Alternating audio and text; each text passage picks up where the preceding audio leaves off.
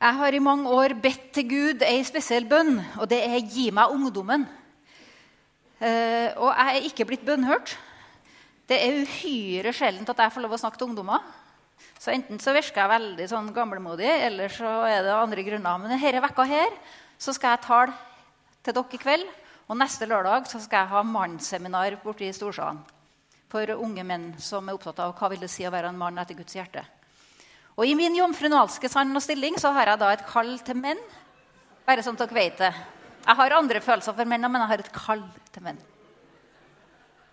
Hvis det er noen som ser at det er ei gammel kjerring som sitter baki her, altså det står ei gammel kjerring her, og så er det ei gammel baki der, så er det ikke fordi at hun har, tror at hun har kommet en annen plass. Men jeg reiser aldri alene, for det står i Bibelen at Jesus sendte ut folk to og to. Så jeg og Ester vi reiser i lag. Um, jeg var veldig glad for at det var så mye unge folk her. For MUF det står vel for noe Misjonssalens ungdomsforening eller noe sånt. Bra gjetta.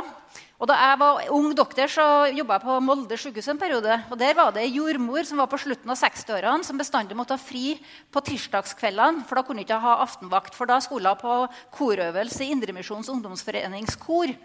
Uh, og Derfor så tenker jeg at ungdomsforeninga, gjennomsnittsalderen i det ungdomskoret det var mellom 70 og 80. Uh, og det er jo en viss fallitterklæring for ungdomsarbeidet i en forsamling. vil jeg nok si. Men derfor derfor er det veldig godt å se at det var litt, uh, litt lægere gjennomsnittsalder her. Og at det er den generasjonen som jeg er opptatt av å formidle noe til i dag. Og det budskapet som Gud har lagt på mitt hjerte, det er um, Har jeg lyst til å starte med um, Hvis Gud, som mange tror er en kraft, en energi, et eller annet diffust, upersonlig, som nok har et eller annet med kosmos å gjøre. Men vi kan ikke vite noe sikkert om den. Han er fjern. Da er det ganske absurd at den krafta plutselig sier 'Jeg fins i den boka her'.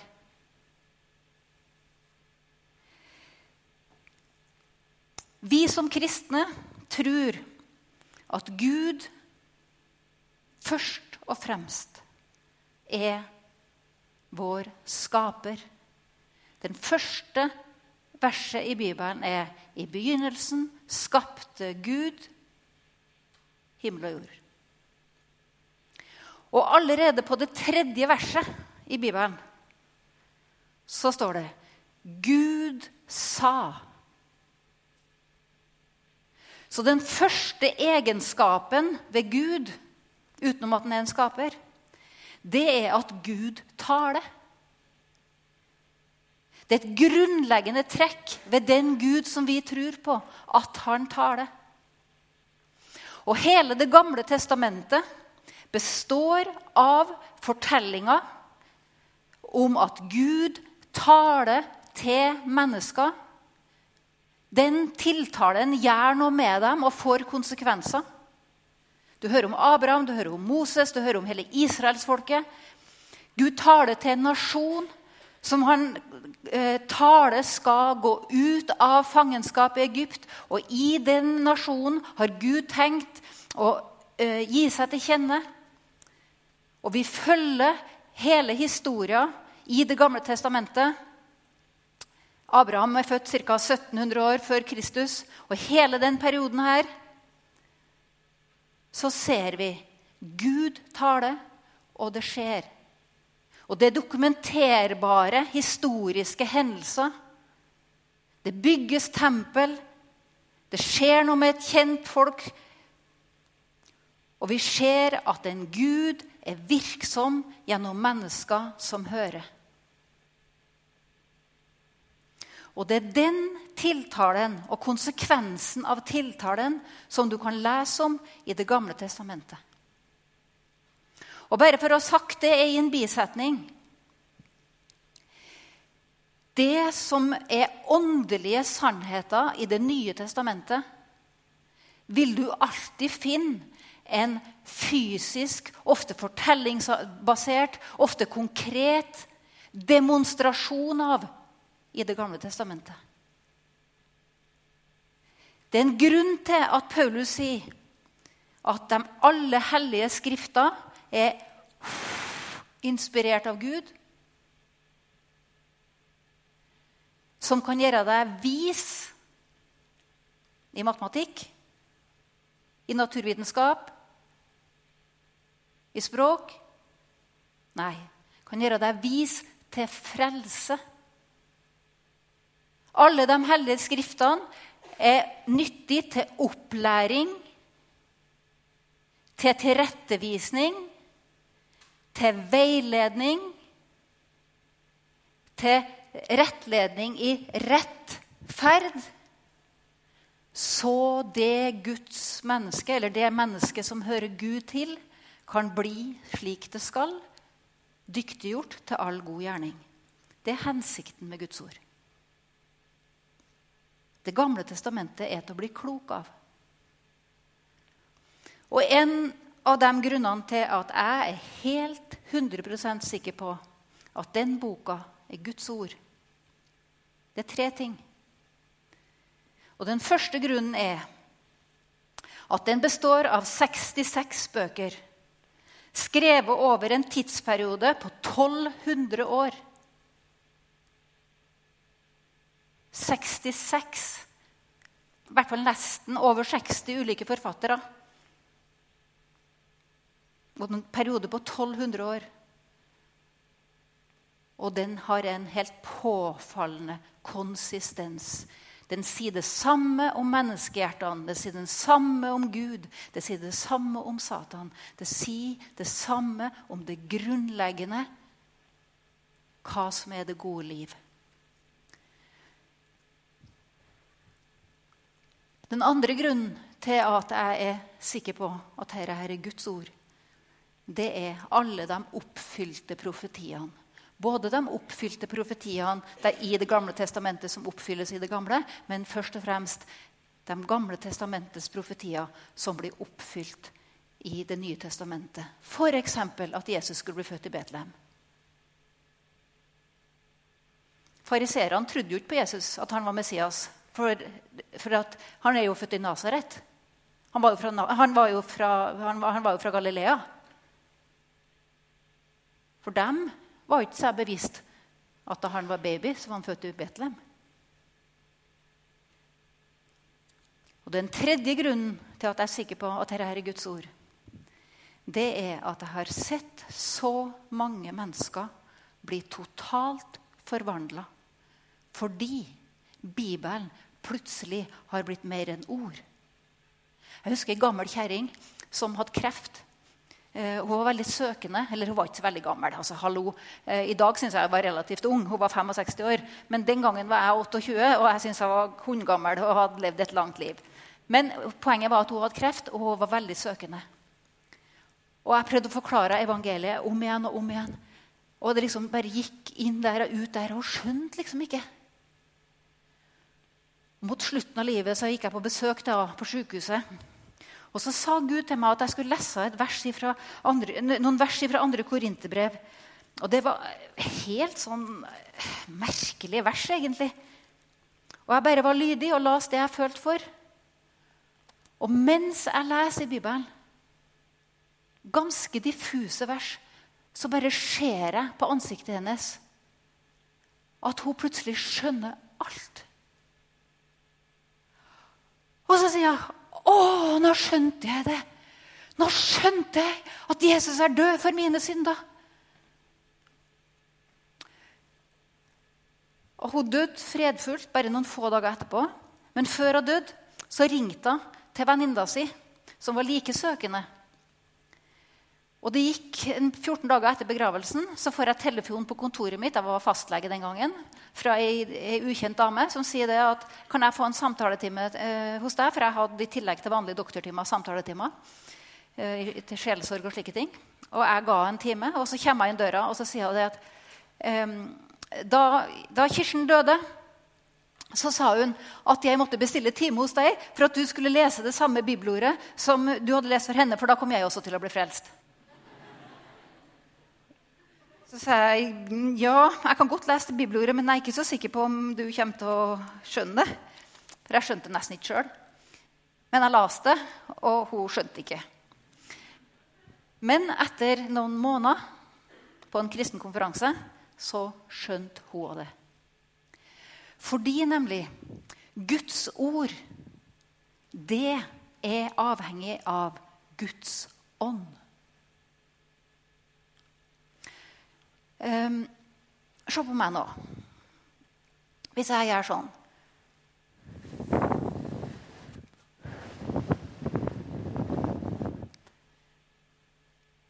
Det er min ånde.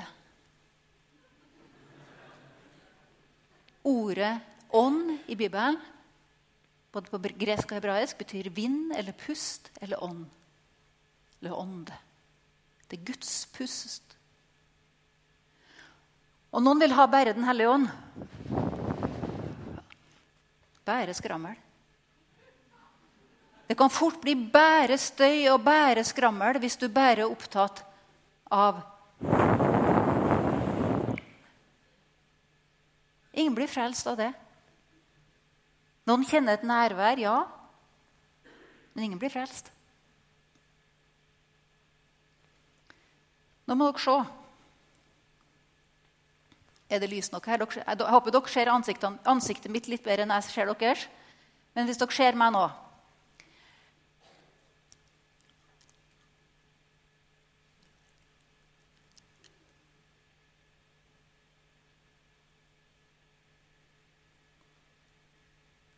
Hvor mange skjønte hva jeg sa?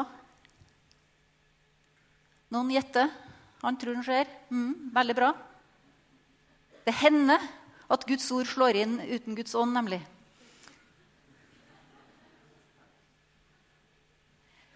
Hvis jeg sier Så sier jeg ordene. Men uten at jeg legger pusten på, så vil det menneskelige øret vanligvis ikke oppfatte det. Og når Guds ånd er over meg, og når Guds ånd er over en forsamling, så har jeg opplevd så ofte jeg, jeg kan si hva som helst, og folk blir velsigna. Og noen ganger så er det så stengt. Noen ganger så har folk så harde hjerter. Noen ganger så er det så mye splid og krangel at jeg bare spytter ordene, og de lander nedpå der.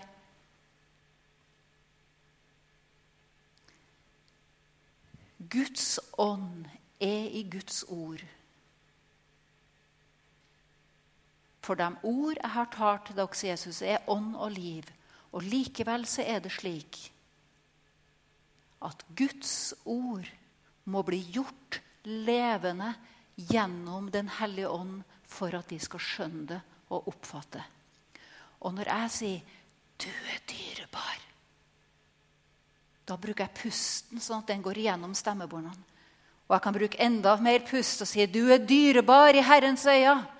Du er dyrebar. Det er et Guds ord, det er et bibelord. Og Hvis Den hellige ånd gjør det levende for deg, så hører du det ikke bare gjennom dine fysiske ører, men du hører det gjennom hjertets ører. Og Derfor så sier Guds ord ingen kan lese Guds ord. Ingen kan tolke et profetord på egen hånd. Vi er helt avhengig av Den hellige ånd. Og Det står et rart vers i Johannes' åpenbaring, kapittel 19, vers 10. Så står det at ånden i profetordet er Jesu vitnesbyrd. Når Den hellige ånd kommer over et bibelord for deg, så hører du hyrdens røst. Har ikke du sittet og hatt pers-bibstud, het det i min ungdom når vi hadde personlig bibelstud om morgenen? Sitt og les. Åh. Er det ikke noe godt? Å, det var en kjedelig tekst. Å nei, i dag fikk jeg ingenting. Og så er det andre ganger liksom du bare åpner Bibelen, og det går rett i magen på deg. Og du blir bare så velsigna. Fordi Ånden kommer og gjør det levende. Og dere, hvis vi skal høre vår skapers røst, så trenger vi å be om Den hellige ånd, sånn at vi kan forstå for Guds ord er levende.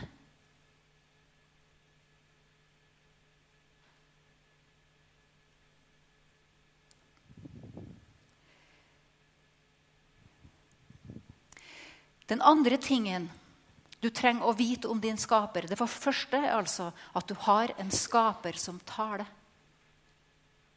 Og jeg har lyst til å si ja, han taler først og fremst gjennom Guds ord og gjennom Sønnen. Men Gud er en talende Gud. Sånn at Gud taler på mange måter. Hvis du leser salmene, så står det om at Herrens røst er over vannene. Herrens røst er over fjellene. Herrens røst er over dyrene. Her, hos Jobb så står det at Herren taler til menneskene gjennom drømmer. Herren er en Gud som taler. Og denne kosmiske visdommen, den er over menneskeheten. Paulus sier det at vi har egentlig ingenting å unnskylde oss med, for Gud har gitt seg til kjenne. Og Jeg har mange venner, jeg er selv forferdelig glad i idrett og friluftsliv. Og jeg har mange venner som har stått på, på toppen av uh, en eller annen høgde i Jotunheimen eller Rondane og sett inn i, inn i fjellheimen i Norge. Og de sier vet du, det går nesten ikke an å ikke bli religiøs. Du fornemmer Gud. Og jeg tror Dette her er ikke noe bibelord, men jeg tror at hver gang mennesker erobrer noe av genuin kunnskap, skjønnhet, kreativitet, så tror jeg de på en eller annen måte har fanga opp røsta fra skaperen. Jeg tror det ypperste av forskning, det ypperste av kunst og musikk, der vi tenker 'her er et geni'. Jeg tror de på en eller annen måte har fått et inntrykk fra skaperen sjøl. Og det har, når jeg mener det, så har det med det bibelske menneskesynet å gjøre. Vet dere at Vi kristne har veldig lett for å tenke. Så høyt har Gud elsket de kristne at han ga sin sønn.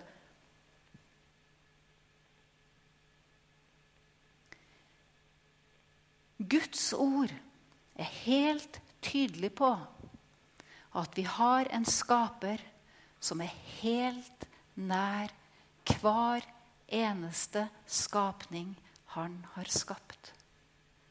Han er helt nær den lidende og den utnytta, den undertrykte og den fattige. Om en tror på Gud eller ikke. Gud er en Gud, som Paulus sier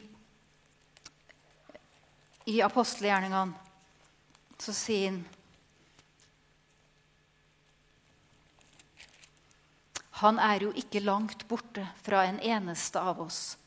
For det er i ham vi lever, beveger oss og er til. Herre sa han mens han talte ved et avgudstempel på eh, eh, Areopagos. Det gjelder hvert menneske. Og Derfor er det også sant om ethvert eneste menneske, som det står i 100, Salme 139. Uansett hvordan, om du definerer deg som kristen, om du definerer deg som ikke-kristen, om du definerer deg som et eller annet midt imellom, spiller ingen rolle. Det som er sant om deg, er at Herren ransaker deg. Herre, du ransaker meg. Du vet. Du vet om jeg sitter eller står. På lang avstand kjenner du mine tanker. Om jeg går eller ligger, ser du det. Du kjenner alle mine veier. Før jeg har et ord på tungen, Herre, kjenner du det fullt ut. Bakfra og forfra omgir du meg. Du har lagt din hånd på meg. Det er sannheten om hvert enkelt menneske. Og hvert enkelt menneske er Herren Gud, vår skaper, så nær at han ønsker å tale til det. Og hvert enkelt menneske har en sånn dyrebar verdi for Gud. Hvert enkelt menneske våker Herren over og kjenner tankene og følelsene til. Og likevel så har menneskeheten vendt sin skaper ryggen. Og som menneskehet så går vi med ryggen mot Gud, på vei bort fra Han, i all evighet En menneskehet som er høyt elska. En menneskehet som er så dyrebar. En menneskehet som er full av verdighet, skapt av Gud. Og så er det noen av oss som har hørt et rop. Et rop som er 'Kom tilbake til far'. Kom tilbake til far. Kom tilbake til din skaper. Og hva har vi gjort? Jo, vi har snudd oss 180 grader. Ordet omvendelse i Bibelen det betyr å snu seg rundt 180 grader. Jeg har snudd meg rundt med ansiktet mot Gud og har begynt å gå i møte med en. Jeg vil hjem til min far. Jeg har bare ett problem. Guds hellighet. Guds hellighet betyr ikke at Gud er lunefull. Det betyr ikke at Gud er ond. Det betyr ikke at Gud er hard og straffende. Guds hellighet, det er en en side ved Guds vesen som bare gjelder Guds vesen. Og Jeg ser for meg at det kan sammenlignes et ikke fullgodt bilde, men det er dog et bilde. Når det er store um, um, vanndråper på min veranda om sommeren, så går det bare ei lita stund når sola kommer høyt nok opp i all sin styrke, så utslettes vanndråpene. Jeg kan så mye fysikk at jeg vet at det går over i en annen form. Men dog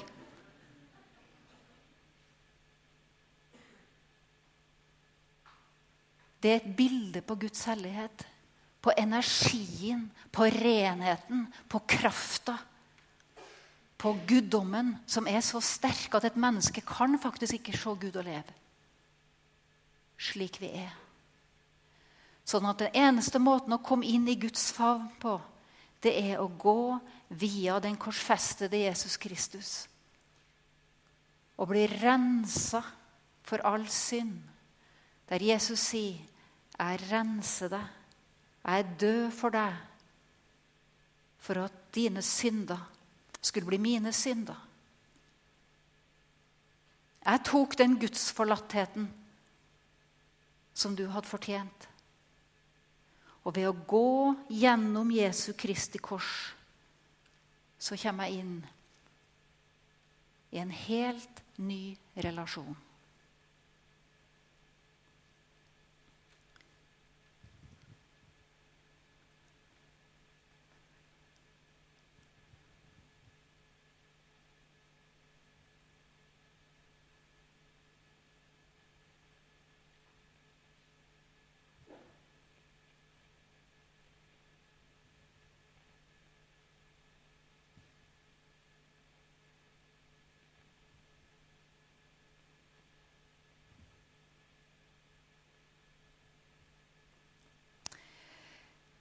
Da Gud skapte mennesket og sa 'la oss skape', så forma han mennesket, og så står det Han blest sin ånde gjennom menneskets nese. Og mennesket ble mer enn en kropp. Det ble en levende sjel.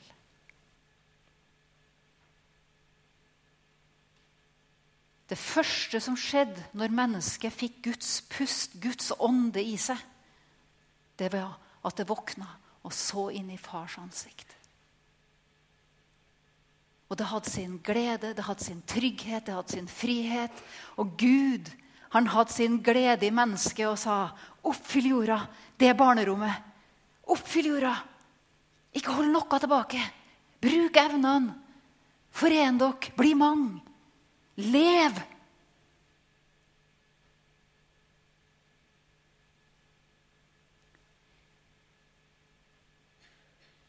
I det øyeblikket jeg bøyer meg for Jesu Kristi kors og tar imot renselsen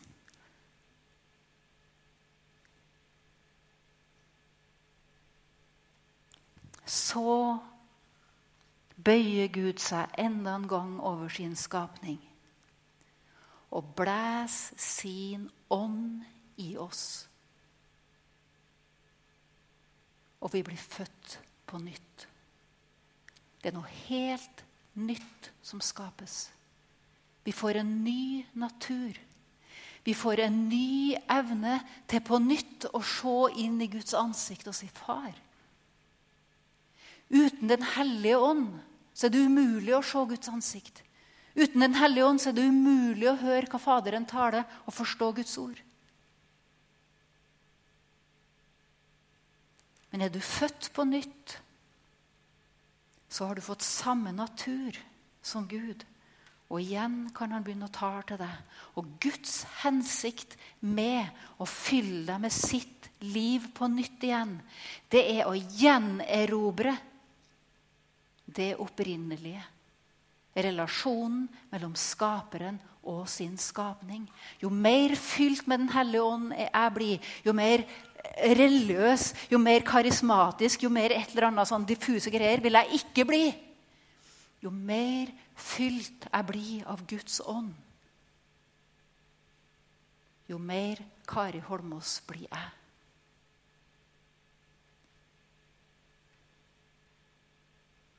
Om jeg blir karismatiker, det er en kultur, en kristelig kultur. Eller om du ikke blir karismatiker, det spiller ingen rolle. Poenget er om du har det Guds ånd. Og jeg er så lei av kristne miljøer som er så beige, og de er så brune, og de er så grå, og de er så trang, og de er så redd for å leve. Vet dere sånne barnehager som har um, Det fins noen frie barnehager du, som bare sier at vi, her, her er vårt tomt. Og Da er de så redde for at det skal være et eller annet, så da leker alle ungene sånn midt på. Mens barnehager som har gjerde, der utnytter de hele tomta og henger på gjerdet.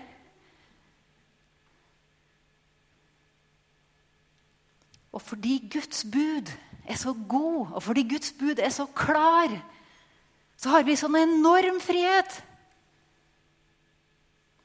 Og Jesus avskyr alle disse ekstrabudene. Og Jesus vil gjøre deg til et sant menneske. Og du har noe i deg som er nedlagt av Gud. En løvetann lengter etter å bli en løvetann, og en blåvis lengter etter å bli en blåveis. Og Gud fri meg fra alle disse løvetennene som sier å, jeg skulle ønske jeg var en liten, tynn, spinkel blåveis med blått hår. Jeg ville gjerne hatt. Det er så mye, i Jesu navn sånn at vi trer nedover oss sjøl sånne forventninger i forhold til noen ideal vi har. Og Gud sier 'bli, bli' deg sjøl, den Kristus har kjøpt deg og betalt prisen for at du skal komme tilbake for å bli. Og begynn å leve.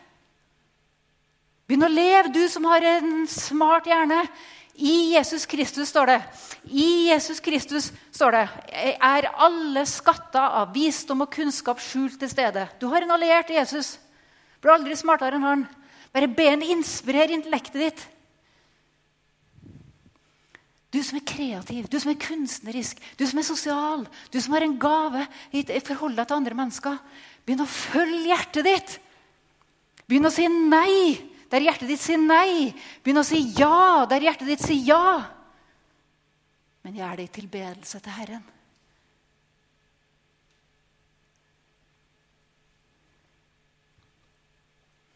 Det å være et kristent menneske Vet du, Det er det beste livet som går an. Det er det beste livet. Det er ikke noe som kan måle seg. Det fins ingen livssyn som så til de grader holder vann. Og det, det, må jeg virkelig si bare helt til slutt. altså. Jeg har jo et yrke som, som er ganske vitenskapelig i sin tilnærming til ting. Men det er fantastisk å se og studere Guds ord. Og jo mer jeg trenger inn i Guds ord, jo mer ser jeg at den sanne psykologi, den sanne vitenskap, den er aldri i strid med Guds ords prinsipper på de områdene der Guds ord snakker.